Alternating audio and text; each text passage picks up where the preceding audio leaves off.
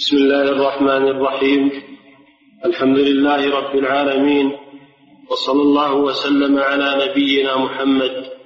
أما بعد قال المصنف رحمه الله تعالى باب ما جاء أن الغلو في قبور الصالحين يصيرها اوثانا تعبد من دون الله.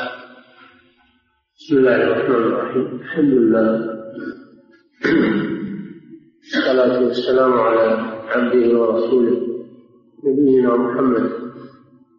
لما ذكر الشيخ رحمه الله في البابين السابقين الغلو في الصالحين وفي الباب الثاني أن من الغلو في الصالحين الصلاة عند قبورهم أو الدعاء عند قبورهم. ذكر في هذا الباب أيضا نوعا ثالثا من الغلو وهو الغلو في القبور. الغلو في القبور. بسبب أنها أن فيها رجلا صالحا. والغلو سبق لنا معناه وهو الزيادة عن الحد المشروع في الشخص. في القبر. والمشروع في القبور الوسط لا الغلو فيها ولا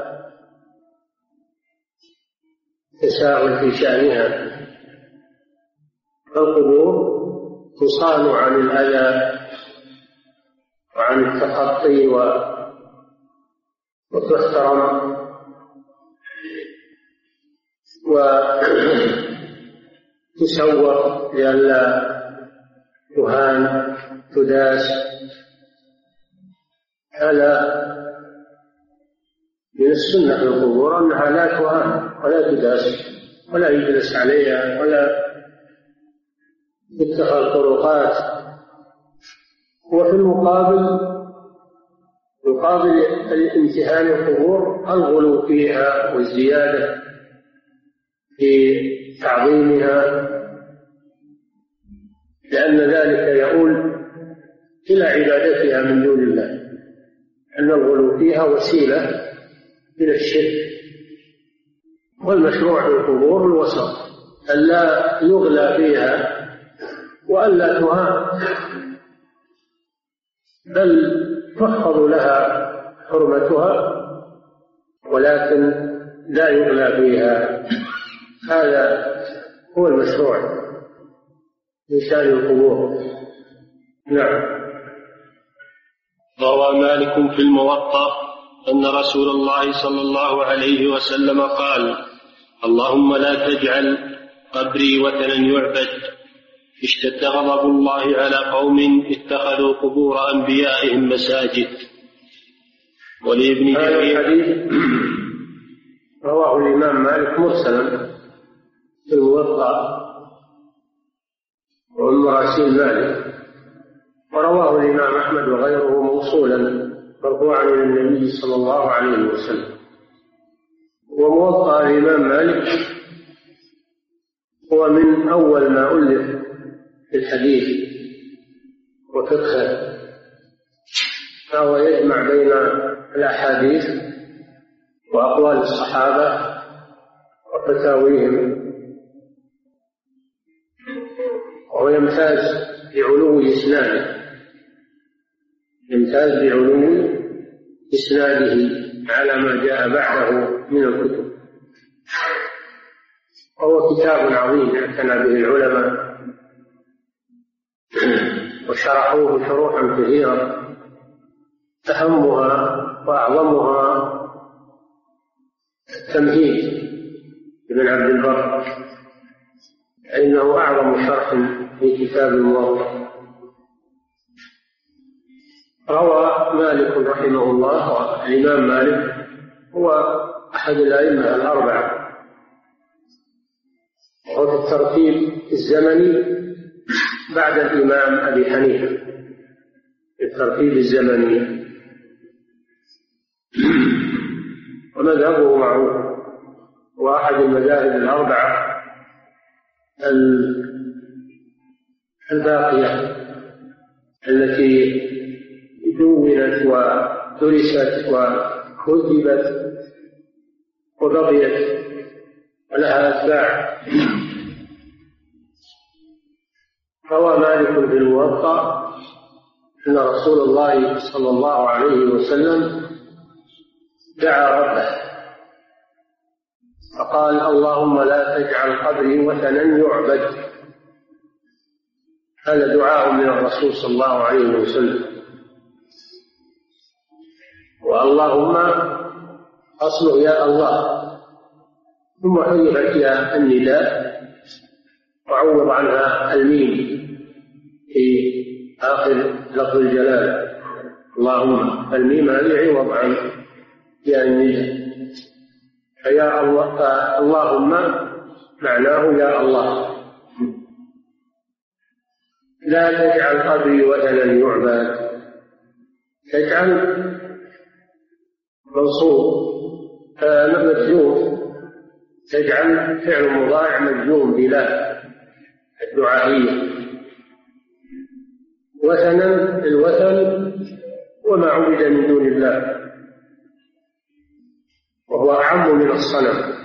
الصنم ما عبد من دون الله على شكل على شكل إنسان أو على شكل حيوان وهو ما يسمى بالتماثيل كما كان عليه قوم إبراهيم يعبدون التماثيل.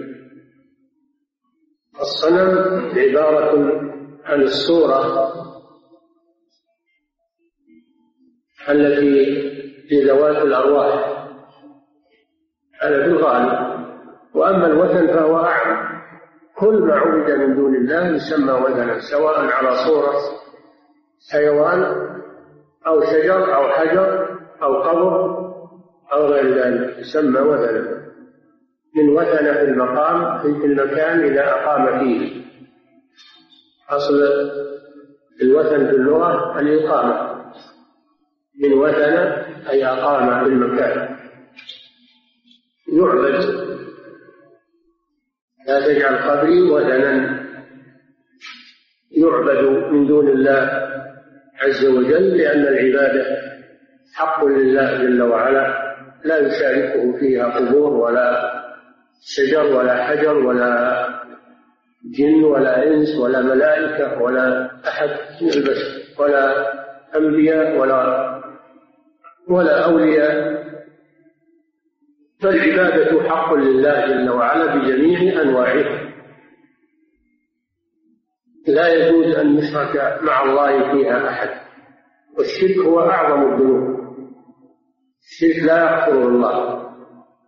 خلاف ما دونه من الذنوب فإنه تحت المشيئة. إن الله لا يغفر أن يشرك به. ويغفر ما دون ذلك لمن يشاء. والمشرك حرم الله عليه الجنة. فلا طمع له في دخول الجنة. بل هو خالد مخلد في النار. هذا الدعاء من النبي صلى الله عليه وسلم. خاف أن يعمل مع قبره صلى الله عليه وسلم ما عمل مع قبور الأنبياء السابقين.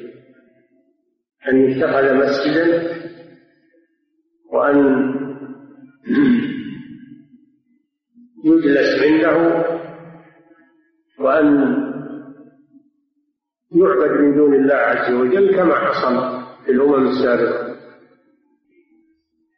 وهو صلى الله عليه وسلم ما دعا بهذا الدعاء إلا من أمر متوقع.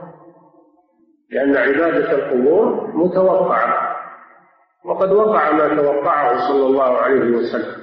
فعبدت القبور من دون الله إلا قبره صلى الله عليه وسلم. فإن الله صانه ببركة دعائه صلى الله عليه وسلم.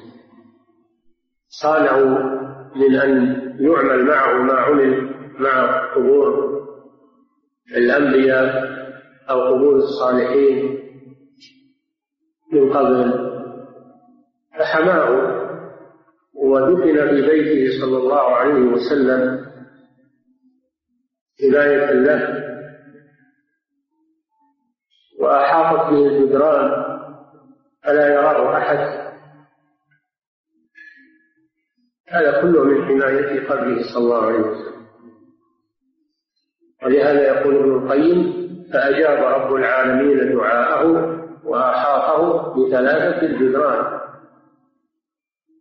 حتى غدت أرجاؤه بدعائه في عزة وحماية وصيانة.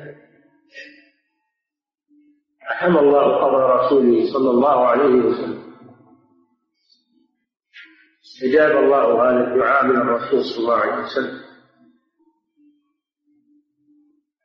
قد يقال إن بعض الجهال عندما يقف عند قبر الرسول يحصل منه شيء من المخالفات. نقول هذا ما هو عند القبر هذا خارج هذا في المسجد في مسجد الرسول صلى الله عليه وسلم. ليس عند القبر ان القبر لا يصل إليه أحد.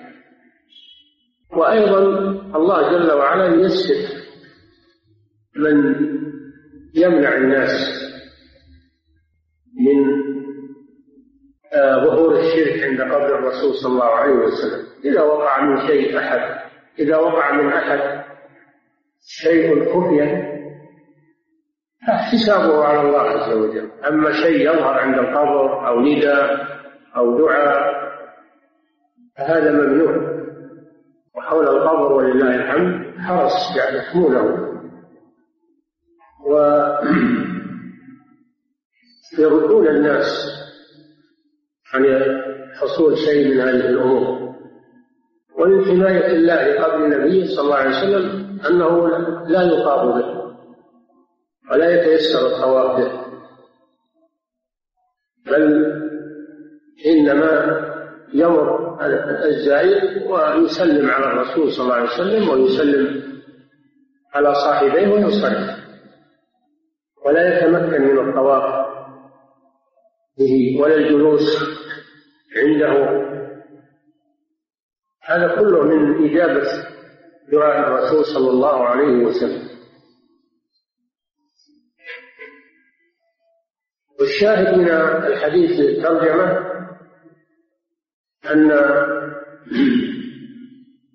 أن التعلق بالقبور والغلو فيها أنه يؤول إلى اتخاذها أوثانا لأن هذا معنى قول الرسول صلى الله عليه وسلم اللهم لا تجعل قدري وثنا يعبد لأنه حصل أن اتخذت القبور أوثانا تعبد من دون الله كما يأتي هذا هو الشاهد. نعم. ولابن جرير بسنده عن سفيان عن منصور عن مجاهد في قوله تعالى أفرأيتم اللات والعزى؟ قال كان يلت لهم السويق فمات فعكفوا على قبره. وكذا قال أبو الجوزاء عن ابن عباس كان يلت السويق للحاج. نعم هذا في تفسير هذه الآية. فرأيتم اللات والعزى؟ جاء في تفسيرها عن عن سفيان عن منصور عن مجاهد عن ابن عباس رضي الله عنهما وجاء أيضا من طريق من طريق أبي الجوزة عن ابن عباس يعني ورد تفسير الآية من طريقين. وسفيان الظاهر أنه سفيان الثوري. ولأن هناك سفيان بن عيينة لكن الظاهر المراد هنا كما يقول الشارع سفيان الثوري. عن منصور هو منصور بن المعتمد عن مجاهد هو مجاهد بن جبر إمام المفسرين. تابعي جليل أخذ عن ابن عباس رضي الله تعالى عنهما. وكذلك عن أبي الجوزة وهو سفيان بن عبد الله الربعي. أيضا هو ممن أخذ عن ابن عباس. أنه فسر هذه الآية بأن اللات بالتشديد اسم فاعل للت السويق يلته إذا إذا خلطه بالسمن يلت السويق يعني يخلطه بالسمن ويطعمه. يطعمه للناس من باب الإحسان. وفي رواية أبي الجوزة أنه يلف للحاج للحاج خاصة وهذا يدل على أن هذا رجل صالح يحسن إلى الناس في حياته ويعمل لهم الطعام إحسانا منه إليهم فألفوه وأحبوه لصلاحه ولإحسانه وفضله. فلما مات عكفوا على قبره. عكفوا أي جلسوا عند قبره. كانوا يجلسون ويجتمعون يجتمعون عند قبره لأن العكوف معناه المكث في المكان. كانوا يعكفون عند قبره يعني يجتمعون عند قبره تبركا تبركا به. انظروا كيف آل الغلو الصالحين وفي قبورهم. إلى أن عبدوه من دون الله لأن اللات صار من أعظم أوثان الجاهلية. كما قال تعالى فرأيتم اللات والعزى ومناة الثالثة الأخرى. هذا على قراءة التشديد تشديد التاء. وقرئ بالتخفيف اللات. فقيل إنه خفف من التشديد. تسهيلا. وقيل إن اللات بالتخفيف مأخوذ من اسم الإله. مأخوذ من اسم الإله. على كل حال الحديث فيه أن أن هؤلاء غلوا في قبر هذا الرجل حتى عبدوه وأصبح هذا القبر من أكبر أصنام العرب اللات والعزى ومناة ثالثة الأخرى. فآل بهم الأمر إلى أن عبدوه من دون الله عز وجل. دل على أن الغلو في قبور الصالحين يروى أوثانا تعبد من دون الله كما قال الشيخ في الترجمة. نعم. وعن ابن عباس رضي الله عنهما قال لعن رسول الله صلى الله عليه وسلم زائرات زائرات القبور والمتخذين عليها المساجد والسرج. رواه أهل السنن. هذا حديث ابن عباس. رواه أهل السنن الأربعة. أبو داود والترمذي والنسائي وابن ماجه. ولم يعترضوا عليه بشيء دل على قوة سنده. أن رسول الله صلى الله عليه وسلم لعنه اللعن هو الطرد والإبعاد عن رحمة الله عز وجل ولا يكون إلا على كبيرة من كبائر الذنوب. فمعنى لعن رسول الله أي دعا باللعنة دعا باللعنة. والرسول صلى الله عليه وسلم مجاب الدعوة. دعا باللعنة أي بأن يطرد الله من رحمته. زائرات القبور. جمع زائرة. يعني من النساء. زائرات. جمع زائرة. أي النساء اللاتي يزورن القبور. لأن المرأة ضعيفة. فلا يصلح أن تزور القبور لأنها إذا رأت قبر قريبها حبيبها يحصل منها ما يحصل من الجزع والنياحة وأيضا المرأة أسرع إلى التأثر والشرك من الرجل. إذا زارت قبور الأولياء والصالحين إنها بعاطفتها وضعفها أقرب إلى الشرك من الرجال. لذلك لعن صلى الله عليه وسلم زائرات القبور فدل على تحريم زيارة النساء في القبور وأنها كبيرة من كبائر الذنوب. هذه مسألة. المسألة الثانية في قوله والمتخذين عليها المساجد والسرج وهذا محل الشاهد من الحديث. أي ولعن صلى الله عليه وسلم المتخذين على القبور المساجد واتخاذ المساجد على القبور سبق لنا معنى أن معناه الصلاة عندها وإن لم يبنى عليها مسجد. فإذا بني عليها مسجد فالأمر أشد. فلعن صلى الله عليه وسلم الذين يصلون عند القبور. لأن هذا وسيلة إلى الشرك. وإن كان المصلي لا يقصد القبر وإنما يصلي لله. لكن صلاته في هذا المكان محرمة لأن هذا وسيلة إلى الشرك. ومن فعله استحق اللعنة. استحق اللعنة وهو يصلي نعم. لأن هذه الصلاة غير مشروعة.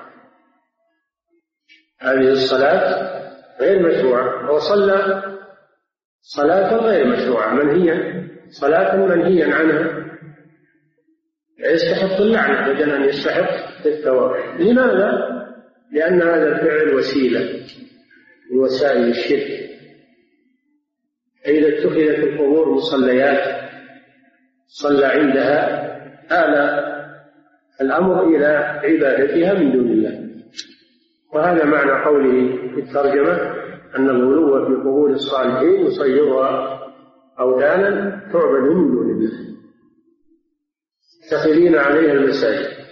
والسرج أي الذين يضيئون المقابر بالسرج مصابيح أيا كانت هذه السرج اختلاف الأزمان. يكون سرج من من الوجك ومن الزيت كما هو معروف عند الأولين. تكون سرج من توقد بالجاز ما هو معروف. تكون سرج بالكهرباء والمصابيح المعروفة الآن فلا يجوز إسراج القبور بأي نوع من أنواع الإسراج لا يجوز إضاءة القبور سواء كان قبرا واحدا أو مقابر لأن هذا وسيلة إلى الشرك لأن الناس إذا رأوا هذه المقبرة مضاءة بالمصابيح أو هذا القبر قد علقت عليه القناديل والمصابيح تعلقت قلوبهم به. وقالوا ما فعل معه هذا العمل إلا لأنه ينفع ويضر يتعلقون به. فهذا فيه تحريم إضاءة المقابر بأي نوع من الإضاءة؟ وأن من فعله فهو ملعون تبقى المقابر بدون إضاءة. حماية لها من الغلو. كما كانت مقابر الصحابة في البقيع وغيرها على عهد الرسول صلى الله عليه وسلم والعهود المتتالية إلى وقتنا هذا عملا بالسنة. وأما إذا احتاج الناس إلى السراج لأجل دفن الميت لا بأس أنه يكون معه السراج متنقل قدر الحاجة. ويدفنون ميتهم إذا كان بالليل لا مانع من ذلك. هذا ليس إسراجا للمقابر إنما هذا لأجل الدفن فقط ومؤقت وقد فعله النبي صلى الله عليه وسلم كما جاء في بعض الروايات لو لما دفن في الليل أسرج له صلى الله عليه وسلم. هذا أمر عادي. أما الإضاءة الثابتة والباقية في المقابر كما على الأضرحة الآن وكما على مقابر النصارى. هذا أمر حرمه الرسول صلى الله عليه وسلم ولعن من فعله لأنه يؤول إلى الشرك. والمتخذين عليها المساجد والسرج. فهذا من الغلو في قبور الصالحين. إذا أضيئت أو بني عليها مسجد أو أو صلي عندها ولو لم يبنى مسجد فإن هذا وسيلة من وسائل الشرك. كما حصل في الأمم السابقة. فهذا من سده صلى الله عليه وسلم لوسائل الشرك. نعم. باب ما جاء أن الغلو في قبور الصالحين يصيرها أوثانا تعبد من دون الله. يصيرها يعني في المستقبل. يمكن بعض الناس يقول الناس الحين عارفين التوحيد إيش المانع إنهم يجعلون في المقابر؟ كهرباء ويجعلون فيها إضاءة.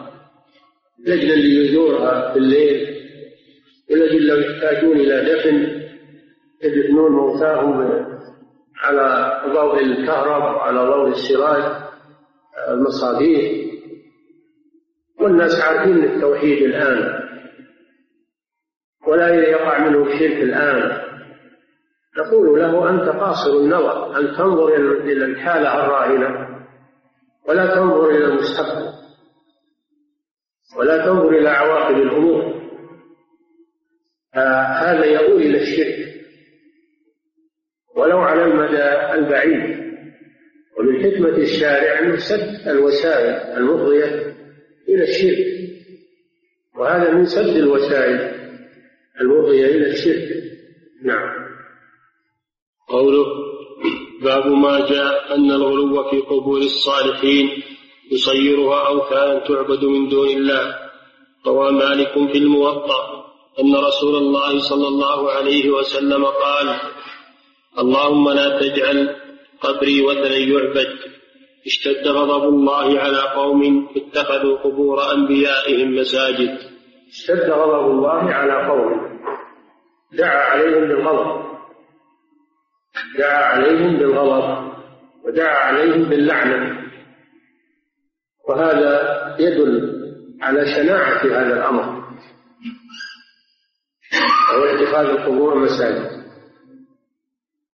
اشتد غضب الله على إخبار من الرسول صلى الله عليه وسلم إن الله يغضب أشد الغضب على من غلا في القبور واتخذها مساجد أي مصليات. رجاء الإجابة أو بنى عليها مساجد. فهذا الله جل وعلا قد غضب عليه غضبا شديدا. هذا فيه إثبات الغضب لله عز وجل صفة من صفاته الفعلية على ما يليق به سبحانه وتعالى. لكن فيه منع الغلو في القبور وذلك بأن تتخذ مصليات أو يبنى عليها مساجد فإن ذلك وسيلة إلى عبادتها من دون الله. نعم. وذلك أنه صلى الله عليه وسلم خاف أن يقع من أمته في حقه كما وقع من اليهود والنصارى في حق أنبيائهم من عبادتهم من دون الله. وهو لا يخاف إلا من شيء متوقع. لا يخاف صلى الله عليه وسلم إلا من شيء متوقع. هذا فيه رد على اللي يقول الناس الآن تجاوزوا مرحلة السذاجة ومرحلة عبادة القبور. والناس الآن عرفوا ولا يخشى منه. فنقول الرسول صلى الله عليه وسلم خاف هذا على أمته خاف هذا على أصحابه. وما يخاف صلى الله عليه وسلم إلا من أمر متوقع الحصول وأن تقول لا هذا مستحيل الناس عرفوا. تنظر إلى جيل حاضر ولا تنظر إلى جيل مستقبل. وأيضا من يضمن ان هؤلاء لا يفتنون حتى ولو كانوا مثقفين ومتعلمين و... وقد فهموا التوحيد من يضمن إنهم لا يفتنون؟ إبراهيم عليه السلام دعا ربه فقال وجنبني وبني أن نعبد الأصنام خاف على نفسه من الشرك خاف على بنيه. الإنسان عرضة للفتنة عرضة ولا يغتر بعلمه أو يغتر بفهمه أو يغتر. إنه عرضة للفتن. نعم. وسبب ذلك الغلو فيهم. كما قال تعالى قل يا أهل الكتاب لا تغلوا في دينكم غير الحق ولا تتبعوا أهواء قوم قد ضلوا من قبل وأضلوا كثيرا وضلوا عن سواء السبيل. أهل الكتاب غلوا في أنبيائهم. قالت اليهود عزير ابن الله وقالت النصارى المسيح ابن الله. هذا غلو. هذا غلو في في انبيائهم وغلوا في علمائهم وأحبارهم ورهبانهم. فأطاعوهم بتحليل الحرام وتحريم الحلال. اتخذوا أحبارهم ورهبانهم أربابا من دون هذا من الغلو في العلماء. نعم. وكذلك رغب صلى الله عليه وسلم إلى ربه ألا يجعل قبر ألا يجعل قبره وثنا يعبد. وقد عبدت القبور بأنواع العبادة كما لا يخفى وتقدم.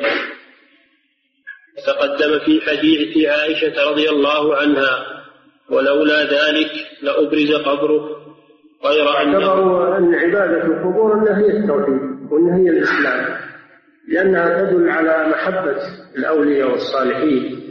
وأن الذي لا يعبدهم ولا يصلي عند قبورهم ولا أنه يبغضهم أو يتنقصهم هكذا فسروا أفعالهم القبيحة أنها محبة للصالحين. ما يفسرون هذا بأنك شرك. يفسرون بغير تفسير. يقول هذا محبة للصالحين وهؤلاء لهم حق علينا. نبني على قبورهم. لتبقى ذكرياتهم. ويبقى الثناء عليهم ويبقى ويبقى. ألا ينسون. هكذا يقولون. نعم. وتقدم في حديث عائشة رضي الله عنها ولولا ذلك لأبرز قبره غير أنه خشي أن يتخذ مسجدا.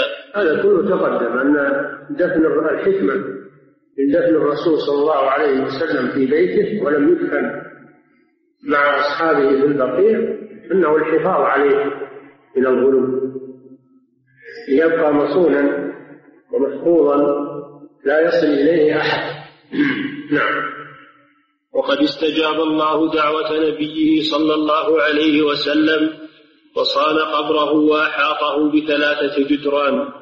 كما قال العلامة ابن القيم رحمه الله تعالى فأجاب رب, فأجاب رب العالمين دعاءه وأحاطه بثلاثة الجدران.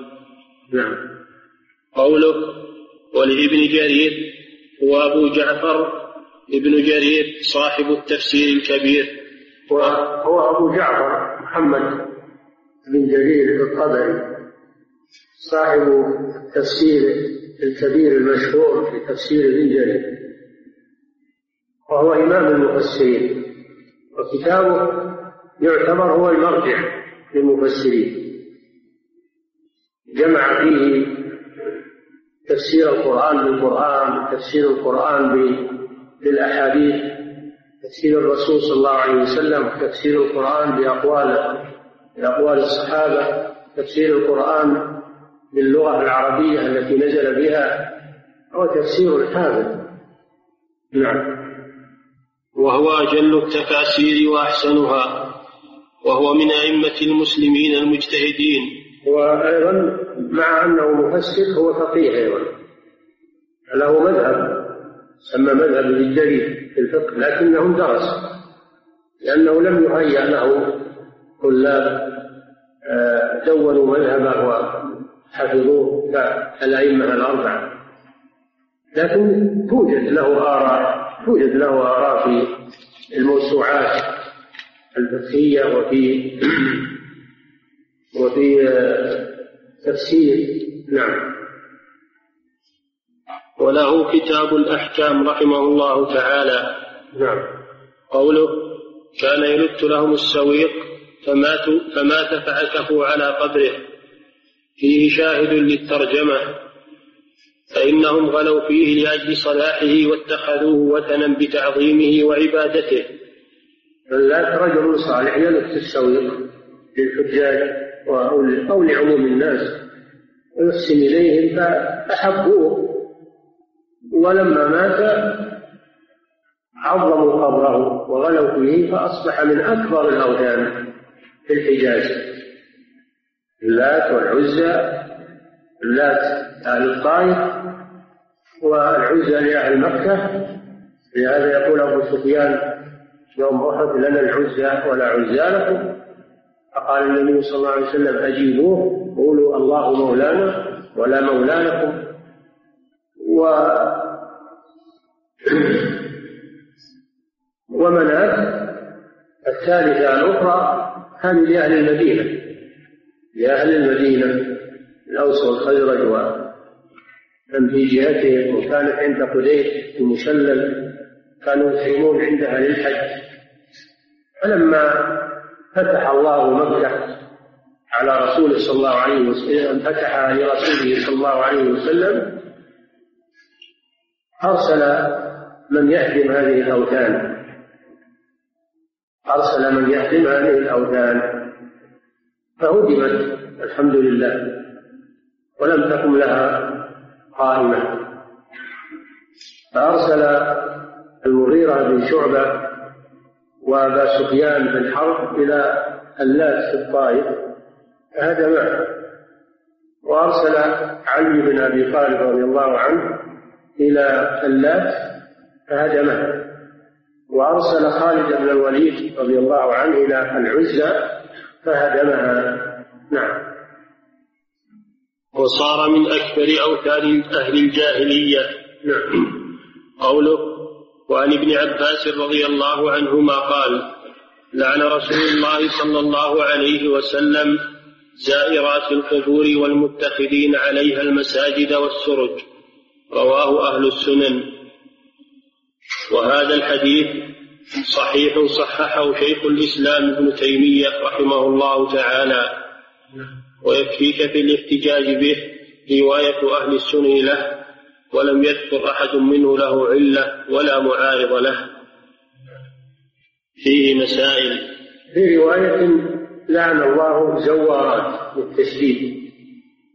لعن الله زوارات بالتشديد جمع زوارة وهي كثيرة الزيارة وأما لفظ زائرات فمعناه لو زارت مرة واحدة استحقت اللعنة. وهي أبلغ من رواية الزوارات. نعم. فيه مسائل. الأولى تفسير الأوثان. هذا الباب فيه مسائل مأخوذة من هذه النصوص. الأولى تفسير الأوثان وأنها تطلق على القبور. وهو لازم أن الوثن يكون يكون صنم. قد يكون الوثن قبرا قد يكون لأن الرسول صلى الله عليه وسلم قال اللهم لا تجعل قبري وثنا دل على أن القبر يكون وثنا. إذا غلي فيه صار وثنا. قد يكون شجرة قد يكون صخرة وقد يكون الوثن ما عبد من دون الله أيا كان. والشاهد منه أن أن القبر إذا عبد صار وثنا. وإن كان قبر نبي وإن كان قبر رجل, رجل صالح سمى وثنا نعم. الثانية هؤلاء يقولون الآن يقولون هذه الأضرحة ما هي بأوثان يقولون هذه ما هي بأوثان الأوثان هذه في الجاهلية. إنما ما عندنا أوثان. هنا الأوثان موجودة في الجاهلية وكل ما عبد من دون الله في أي زمان وفي أي مكان فهو وثن لذلك تخوف صلى الله عليه وسلم أن يتخذ قبره وثنا بعد موته عليه الصلاة والسلام. ولولا أن هذا أمر متوقع لما تخوفه صلى الله عليه وسلم وقد وقع ما تخوفه عليه الصلاة والسلام مع القبور هي أوثان وإن سموها أضرحة أو سموها مقامات أو سموها محبة للصالحين أو إبقاء لذكراهم أي أوثان لا فرق بينه وبين اللات والعزى ومناة الثالثة الأخرى. لا فرق. نعم. الثانية تفسير العبادة. تفسير العبادة قوله وثنا يعبد. ما معنى يعبد؟ معنى يعبد أن أن يرجى ويخاف ويعتقد فيه أنه ينفع ويضر وأنه يمنح البركة. هذا معنى هذا من معنى العبادة. العبادة اسم جامع لكل ما يحبه الله ويرضاه من الأعمال والأقوال الظاهرة والباطنة. ليس عبادة القبر أن يعتقد أنه يخلق ويرزق وينفع ويضر من دون الله بل إذا اتخذه شفيعا أو أو واسطة بينه وبين الله فهذا من اتخاذه من من عبادته من دون الله عز وجل كما كان أهل الجاهلية. يعبدون من دون الله ما لا يضرهم ولا ينفعهم ويقولون هؤلاء شفعاؤنا عند الله. نعم. الثالثة أنه صلى الله عليه وسلم لم يستعد إلا مما يخاف وقوعه. نعم. دل على أنه ممكن وقوع هذه الأمور لذلك خافها صلى الله عليه وسلم. الذي رد على اللي يقول أنه ما يقع في هذه الأمة شرك أبدا. في من يقول هذه المقالة. يقول لا يمكن أن يقع في أمة محمد صلى الله عليه وسلم شرك ويغالط في هذا وينسى ما يعمل الآن عند القبور. يجحد الواقع. نعم. الرابعة قرنه بهذا اتخاذ قبور الأنبياء مساجد. نعم. لأنه لما قال اللهم لا تجعل قبري وثنا يعبد قرن ذلك بقوله اشتد غضب الله على قوم اتخذوا قبور أنبيائهم مساجد. دل على أنه لا لا يتخذ القبر مسجدا لا قبر النبي ولا قبر الولي ولا قبر الصالح ولا كله سواء وأنه لو اتخذ لصار لصار وثنا يعبد من دون الله. والنبي بريء من هذا. الذين عبدوا من دون الله بعد موتهم وهم ينهون عن ذلك كالأنبياء والصالحين براء مما يفعل عند قبورهم. لأنهم ينهون عن ذلك ويجاهدون عليه ويقاتلون عليه فهم بريئون مما يعبده من بعد موته. لا يرضون بذلك. نعم. الخامسة ذكر شدة الغضب من الله. فيه إثبات شدة الغضب من الله وأن الله يغضب ويشتد غضبه سبحانه وأنه يمقت والمقت أشد الغضب. لمقت الله أكبر من مقتكم أنفسكم. الغضب والمقت والأسف فلما آسفون يعني يغضبون. الله يغضب سبحانه وتعالى.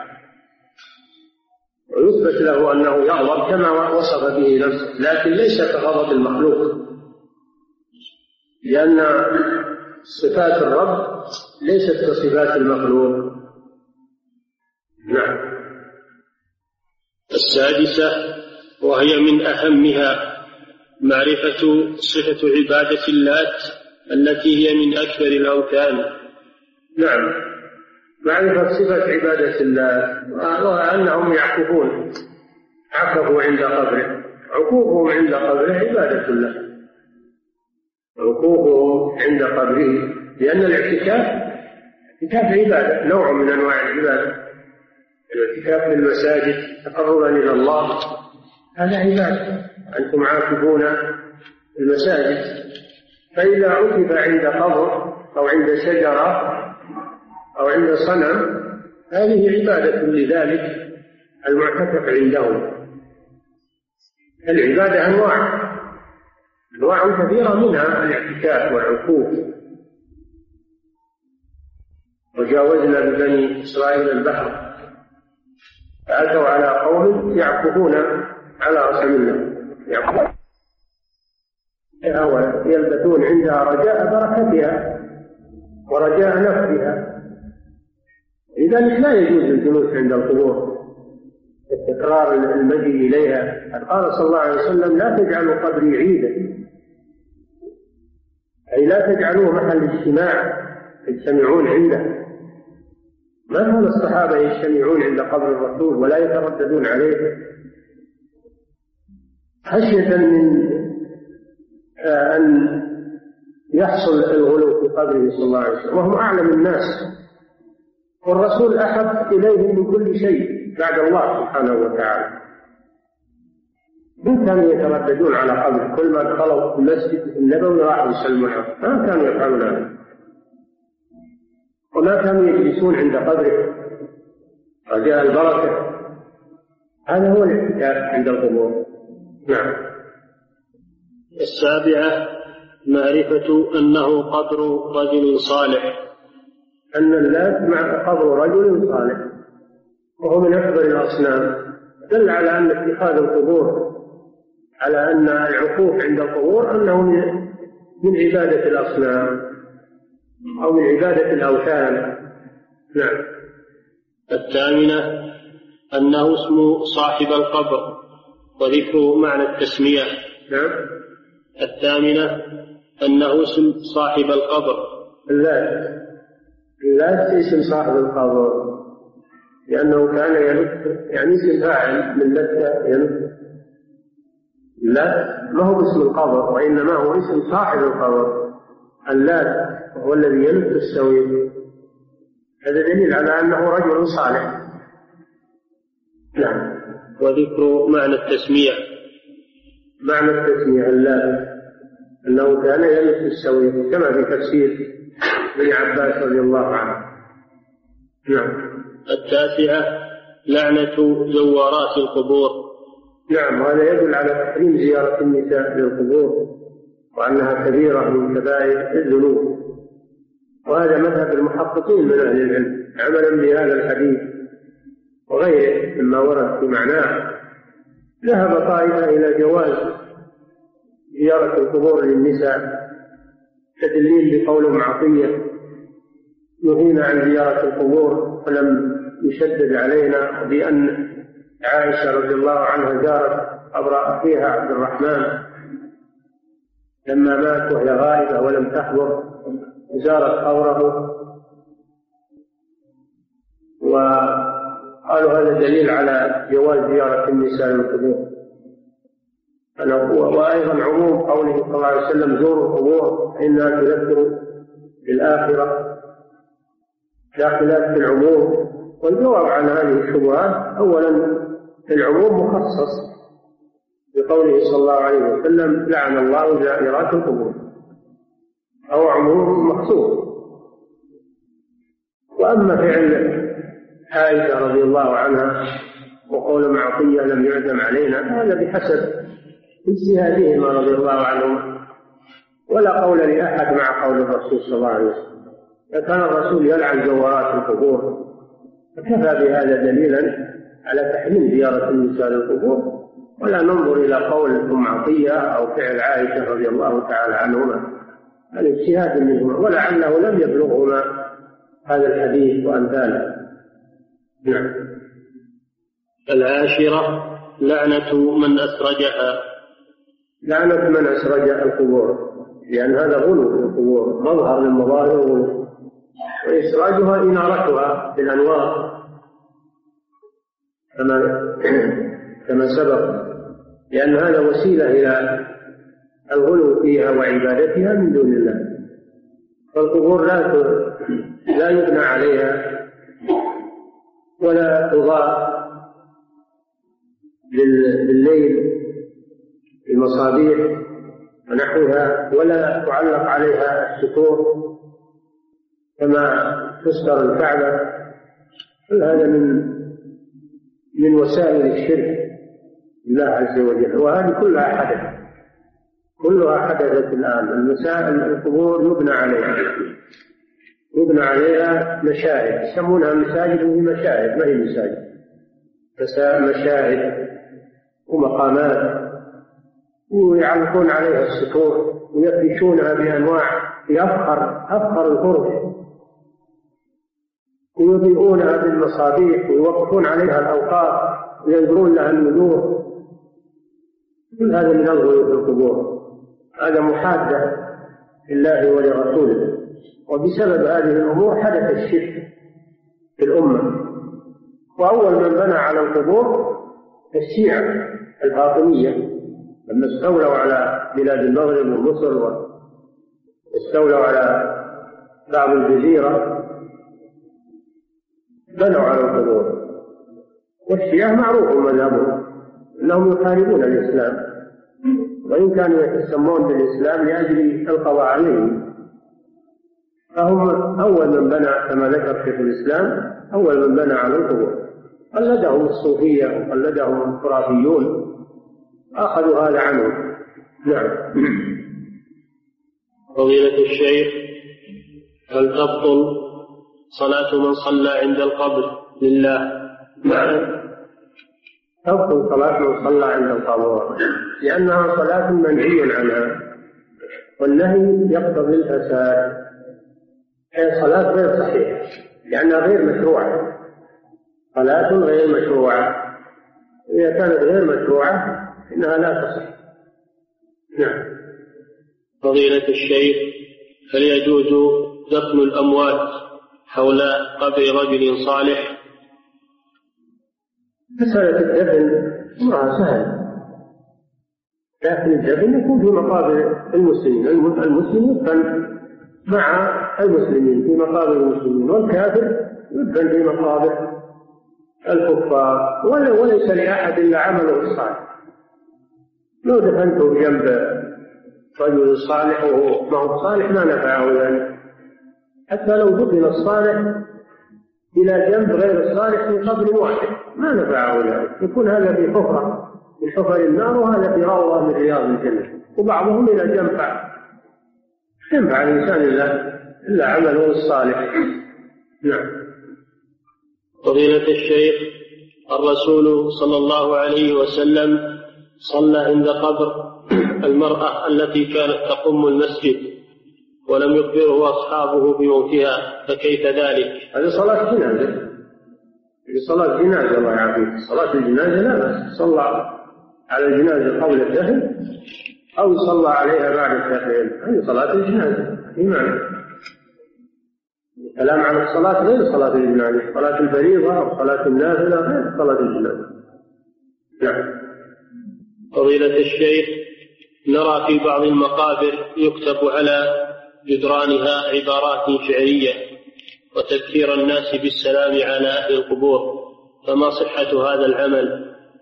هذا العمل لا يجوز لا تجوز الكتابة على القبور نهى النبي صلى الله عليه وسلم عن الكتابة على القبور فلا يكتب اسم الميت ولا تاريخه لأن هذا وسيلة إلى الغلو فيه إذا قرأت هذه الكتابة قالوا هذا رجل صالح وهذا عالم محقق وهذا وهذا فيرجون منه البركة. أما إذا لم يكتب عليه لم يعرف لا يعرف من هو. لا يحصل غلو لا يحصل غلو في قبره. لا يعرفه إلا أقاربه. لا يعرفه سائر الناس. لكن إذا كتب عليه كل الناس يتعلقون بهذه الكتابة ويقرؤونه ويبعث هذا العوام والجهال على تعظيم هذا القبر. لذلك ينهى عن الكتابة على القبور. ينهى عن تجصيص تجصيص القبور أن تجصص أو يعمل عليها ألوان من البويات أو من النور أو غير ذلك. كله لا يجوز. لأن هذا وسيلة إلى تعظيمها والغلو والغلو فيه. لكن إن الإنسان يضع علامة على القبر الذي يعرفه يضع خط ولا حجر الذي أن يزوره يدعو له لا بأس. لأن هذا ما يعرفه كل أحد. ما يعرف إلا الذي وضعه خلاف الكتابة إنها أو التقصيص أو التلوين أو الإنارة هذه تضر الناس. نعم. فضيلة الشيخ ما حكم الإضاءة الموجودة الآن في مقبرة العود؟ حيث إن الشوارع الداخلية للمقبرة مضاءة حيث إيش؟ إن الشوارع الداخلية للمقبرة مضاءة هذا غلط. هذا غلط ولا يجوز؟ لا يجوز هذا. الشوارع إن كانت شوارع عابرة للناس يعبرون منها وهذه الإضاءة لأجل الشارع اللي يعبر معه الناس وهو من أجل المقبرة والمقبرة مسورة من الجوانب والشارع يمر بين سورين. مقبرة هذا خارج المقبرة في معنى. أما إذا كان الشارع خاص بالمقبرة أو داخل المقبرة ولا يضطرب هذا ما يجوز. وإذا إن السائل المتثبت من هذا يكتب يكتب للهيئات الهيئات تعمل اللازم إن شاء الله. أو ترفع للمسؤولين. نعم. فضيلة الشيخ امرأة دخلت مقبرة العود لمدة دقائق لغرض رؤية أشكال القبور وذلك للعبرة لغرض رؤية أشكال القبور. رؤية؟ أشكال القبور. إيه. وذلك للعبرة والعظة وليس لديها قريب فيها. هل تشملها اللعنة؟ ليس لديها. قريب في المقبرة. قريب؟ قريب. قريب؟ لا قريب قريب. ما يجوز لها. هذا من الزيارة. دخولها المقبرة لأجل الاعتبار زعمها هذه هي الزيارة. لا يجوز هذا قد أخطأت في هذا وعليها التوبة ولا تعود لمثل هذا. نعم. فضيلة الشيخ ما رأيكم في من يقول إن النبي صلى الله عليه وسلم نهى عن الصلاة في المساجد التي بها قبور ولكن كيف ينهى وقبر النبي صلى الله عليه وسلم داخل المسجد. ما هو داخل المسجد؟ قبر النبي صلى الله عليه وسلم في بيته وكان بيته خارج المسجد. كان بيته خارج المسجد. هو داخل المسجد؟ إنما الذي أدخل الحجرة في المسجد هو الوليد بن عبد الملك بعد مضي الخلفاء الراشدين. مضي الصحابة. عمل هذا العمل رأيا رآه ولم يوافقه عليه العلماء. وقبر الرسول ليس في المسجد وإنما هو في بيته عليه الصلاة والسلام. نعم. فضيلة الشيخ بعض النساء يقمن يوم الجمعة بزيارة المقبرة وذلك بالوقوف عند باب المقبرة للدعاء لأقاربهن وإذا أنكر عليهن وإذا أنكر عليهن أحد قلنا نحن لم ندخل المقبرة. لا يجوز الزيارة ما تجوز سواء دخلت أو وقفت على الباب لا يجوز هذا العمل. وهي ملعونة إن كان تريد اللعن تروح للمسجد إذا تريد الرحمة وتريد طاعة الرسول صلى الله عليه وسلم فلا تذهب للمسجد وإذا أرادت الدعاء لقريبها أو للمسلمين تدعو في بيتها. تدعو في بيتها وتصل يصل الدعاء. يقبل الله الدعاء في أي مكان. وينفع الميت في أي مكان. نعم. فضيلة الشيخ ما رأي فضيلتكم ممن يتتبع المقابر ويسأل عمن دفن حديثا ويصلي عليه؟ هذا عمل لا لا أصل له.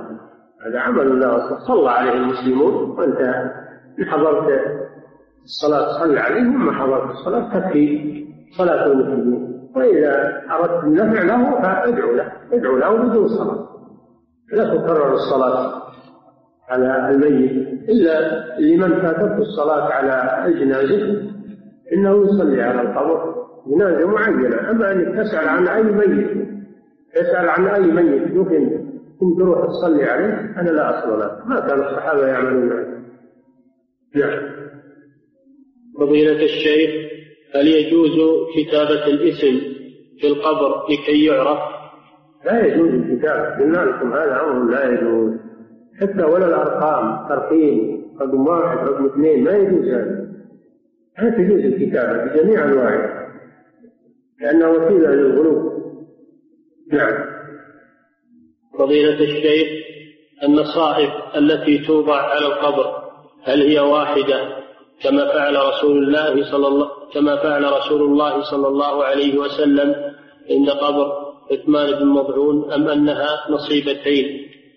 نصيبتان نصيبتان على حدود القبر من أجل أن يعرف أنه قبر فلا يجلس ولا تكفي نصيبة واحدة الرسول صلى الله عليه وسلم إنما وضع حجرا على قبر عثمان بن مضعون من أجل أن يزوره عليه الصلاة والسلام. وضع حجر علامة. نعم. أما النصائب فهي لتحديد القبر أجل أن يعرف فلا يداس ولا ينتهي ولا يذكر مرة ثانية. نعم. فضيلة الشيخ نرى بعض الناس بعد الفراغ من دفن الميت بدقائق يحثو فوق قبر الميت ثلاث حثيات لأنه لم يشارك في الدفن فهل هذا الفعل صحيح؟ نعم هذا سنة. إذا لم تشارك في الدفن فتحثو ثلاث حثيات يحصل لك الأجر. يحصل لك الأجر والمشاركة في دفن الميت. نعم. فضيلة الشيخ ورد الدعاء للميت إذا كان طفلا وقه برحمتك عذاب الجحيم. فهل يؤخذ من هذا الحديث أن أطفال المسلمين قد يدخلون النار؟ حال حال المسلمين الذين ماتوا قبل البلوغ يعاملون معاملة المسلمين أنهم يكفنون يغسلون ويكفنون ويصلى عليهم ويدفنون في مقابر المسلمين. يعاملون معاملة المسلمين. ويرجى يرجى أنهم من أهل الجنة وأنهم يشفعون لآبائهم. ولهذا في الدعاء على صلاة الطفل من جملة الدعاء أن يقول اللهم اجعله فرطا وأجرا ويغرا شفيعا مجابا يدعى أن الله يجعله الفرط لوالديه وأن الشفيع يشفع له لكن لا يلزم لا يلزم أنه من أهل الجنة. لا يلزم أنه من أهل الجنة. لكن يرجى أنه من أهل الجنة. وأنهم يشفعون. أنهم أفراد لوالديهم. يدعى بذلك أما الجزم هذا يوكل إلى الله سبحانه وتعالى. نعم. فضيلة الشيخ هل يجوز لي أن أذهب للمسجد الذي تكثر فيه الصلاة على الجنائز طلبا للأجر علما بأن هذا المسجد داخل المدينة؟ هذا طيب.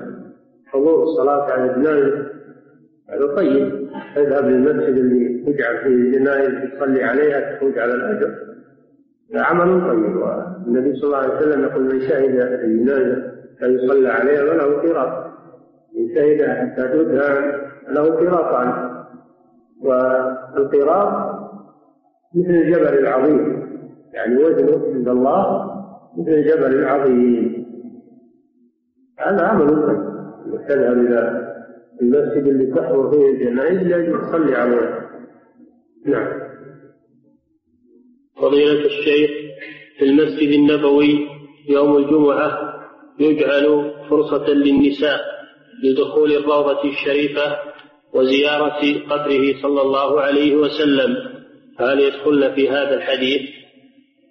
لا ما يسمح لهم بزيارة قبر الرسول إنما يسمح لهم بالصلاة في الروضة تحسين الفضيلة فقط إلا ما يسمح لهم بزيارة قبر الرسول صلى الله عليه وسلم ممنوعات من هذا نعم.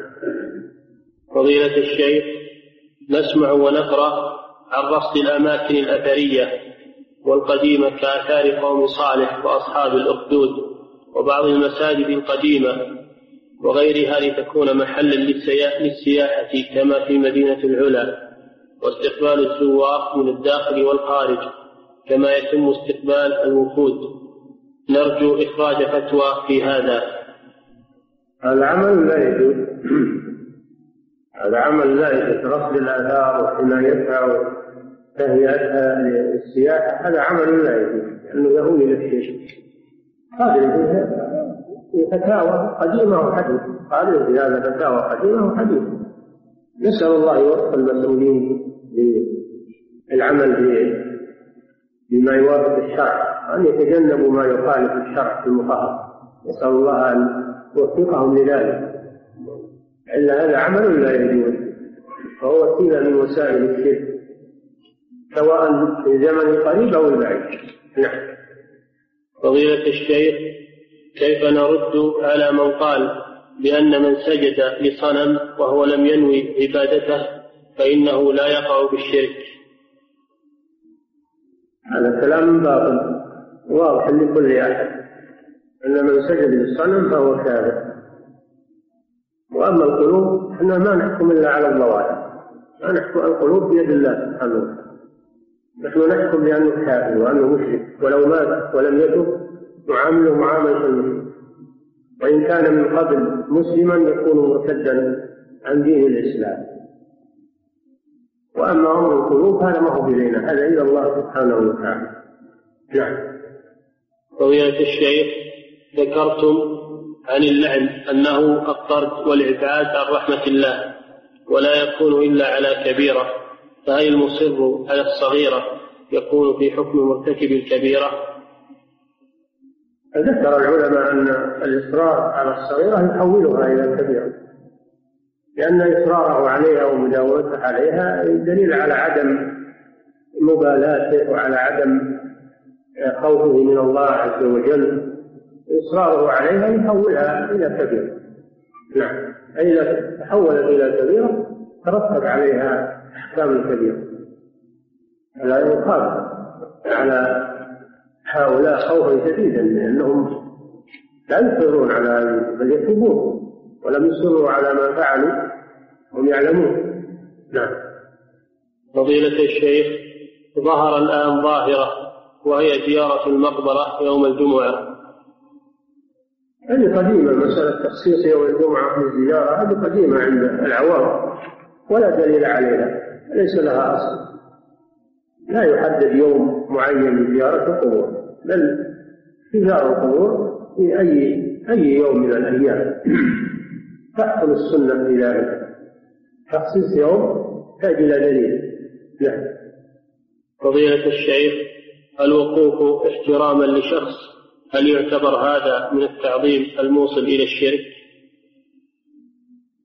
القيام من أجل هلال الشخص أو تعظيمه هذا محرم لكن ما يصل إلى حد الشرك لكنه فعل محرم أما القيام من أجل السلام عليه من أجل السلام عليه أو من أجل إعانته على شيء أو على النزول هذا لا بأس به أما مجرد القيام احتراما له فقط هذا لا يجوز.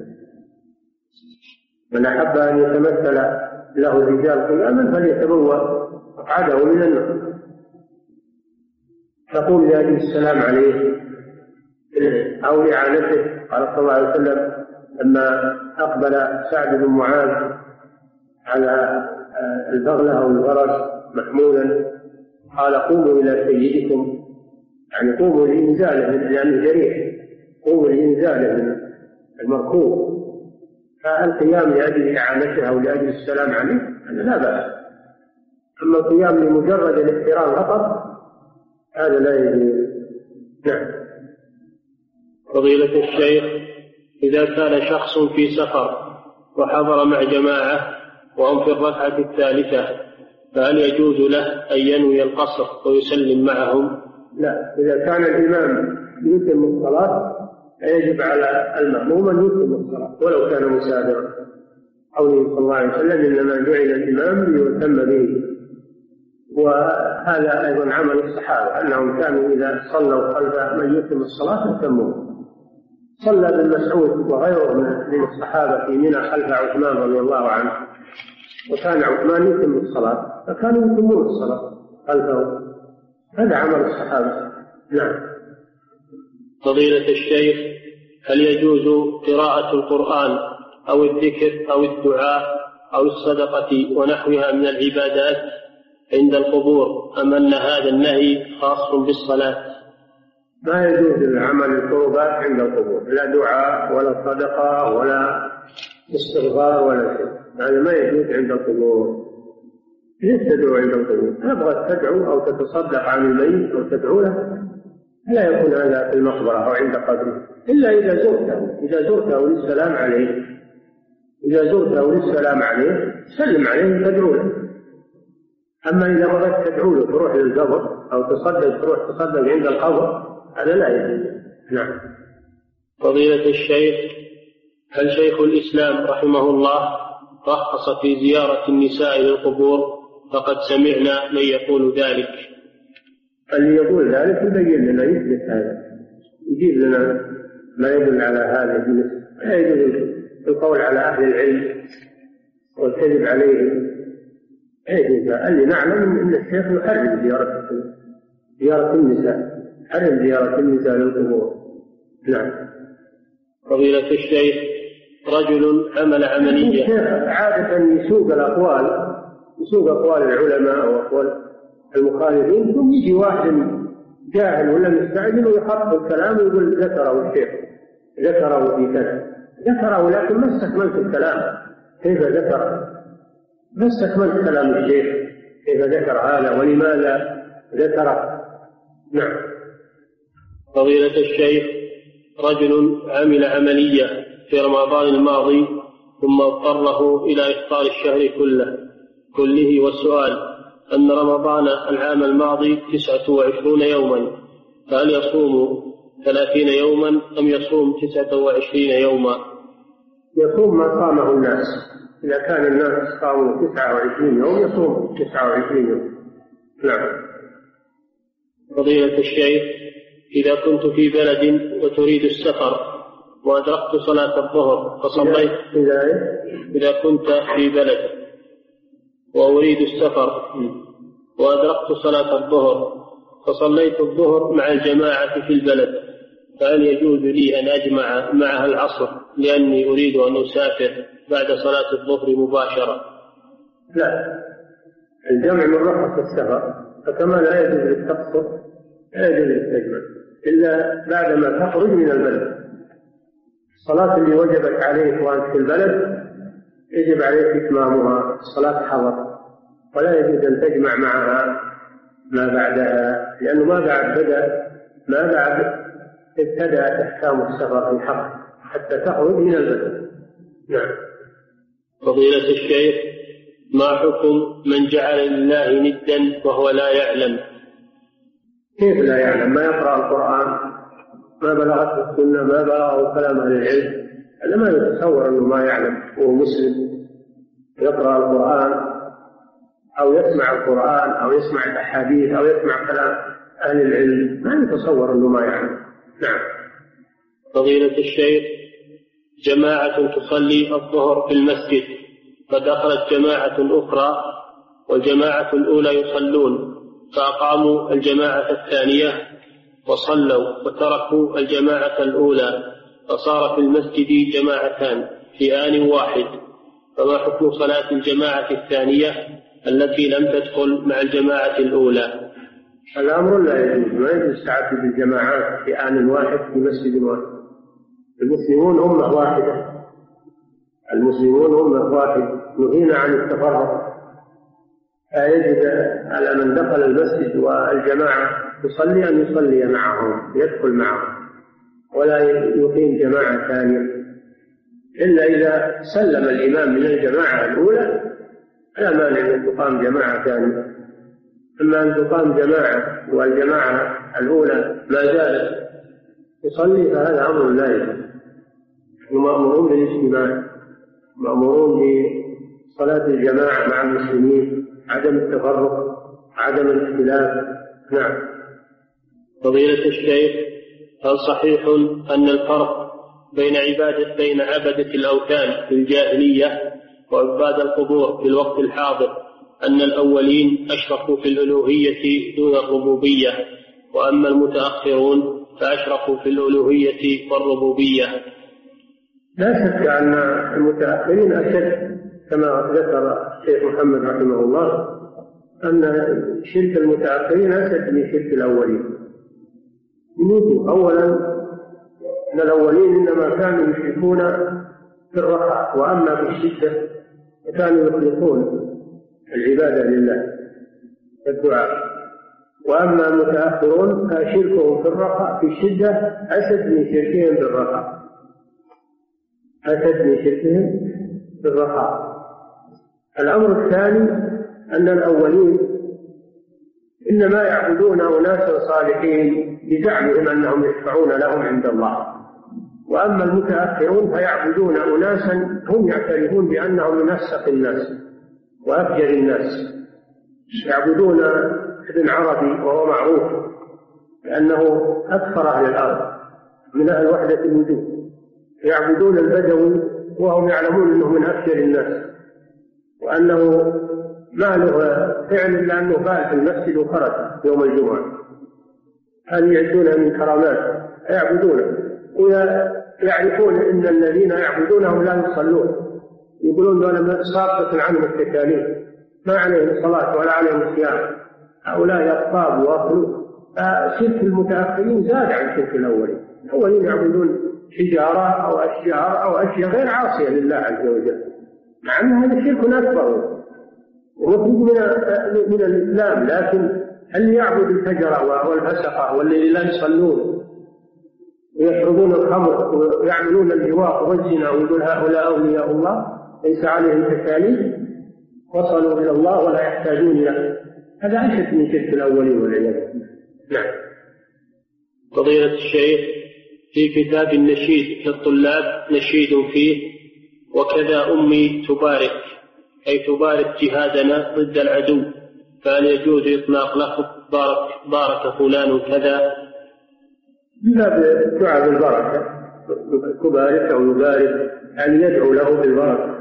كان النبي صلى الله عليه وسلم يؤتى بالصبيان يحنكهم ويبرك عليهم يعني يدعو لهم بالبركة. نعم هذا لا بأس. نعم.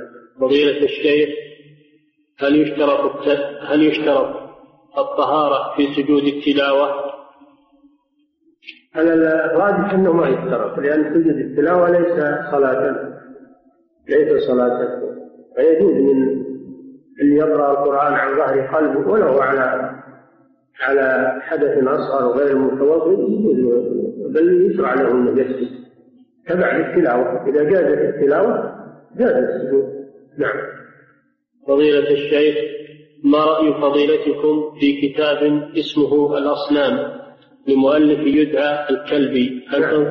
معروف هذا. يذكر أمكنة الأصنام وكيف عبدت من باب العلم باب العلم بها ومعرفة أمكنتها هذا من باب العلم والتاريخ. هذا العلم والتاريخ ما هو في تعظيمها ما ذكر شيء من تعظيمها وانها تنفع وتضر وانها وانها وإنما ذكر أماكنها وذكر القبائل التي تعبدها من باب التاريخ فقط. نعم. فهو كتاب مفيد في موضوعه نعم. فضيلة الشيخ سمعت أنه لا يجوز أخذ الورد لزيارة المريض. فهل هذا صحيح؟ وما العلة فيه؟ هذا من عمل النصارى. الذهاب بالأزهار للمريض وإهداء الزهور للمريض هذا من عمل النصارى. اللي يعتقدون في الزهور أنه, أنه يحصل بها شفاء. هذا لا يجوز. أن فيه تشبها بالنصارى وقد يكون فيه اعتقاد أن هذه الزهور يحصل بها الشفاء. نعم. فضيلة الشيخ. وأيضا يشترونها بأثمان غالية. يشترونها بأثمان ليس لها قيمة. نعم. يمسكون فيها الأموال اعتقادا منهم أنها تنفع المريض. نعم. فضيلة الشيخ. إذا قدم مسافر لقوم يصلون العشاء وقد فاتته واحدة فهل يكمل معهم الثلاث الباقية له مغربا ولهم عشاء؟ يجوز إنه يدخل من يريد صلاة المغرب خلف من يصلي العشاء فإذا قام الإمام للرابعة يجلس فإن شاء انتظر حتى يسلم الإمام ويسلم معه وإن شاء نوى الانفراد وسلم لنفسه نعم. فضيلة الشيخ بعضهم لا ينكر على من يصوره بحجة أن مسائل الخلاف لا إنكار فيها.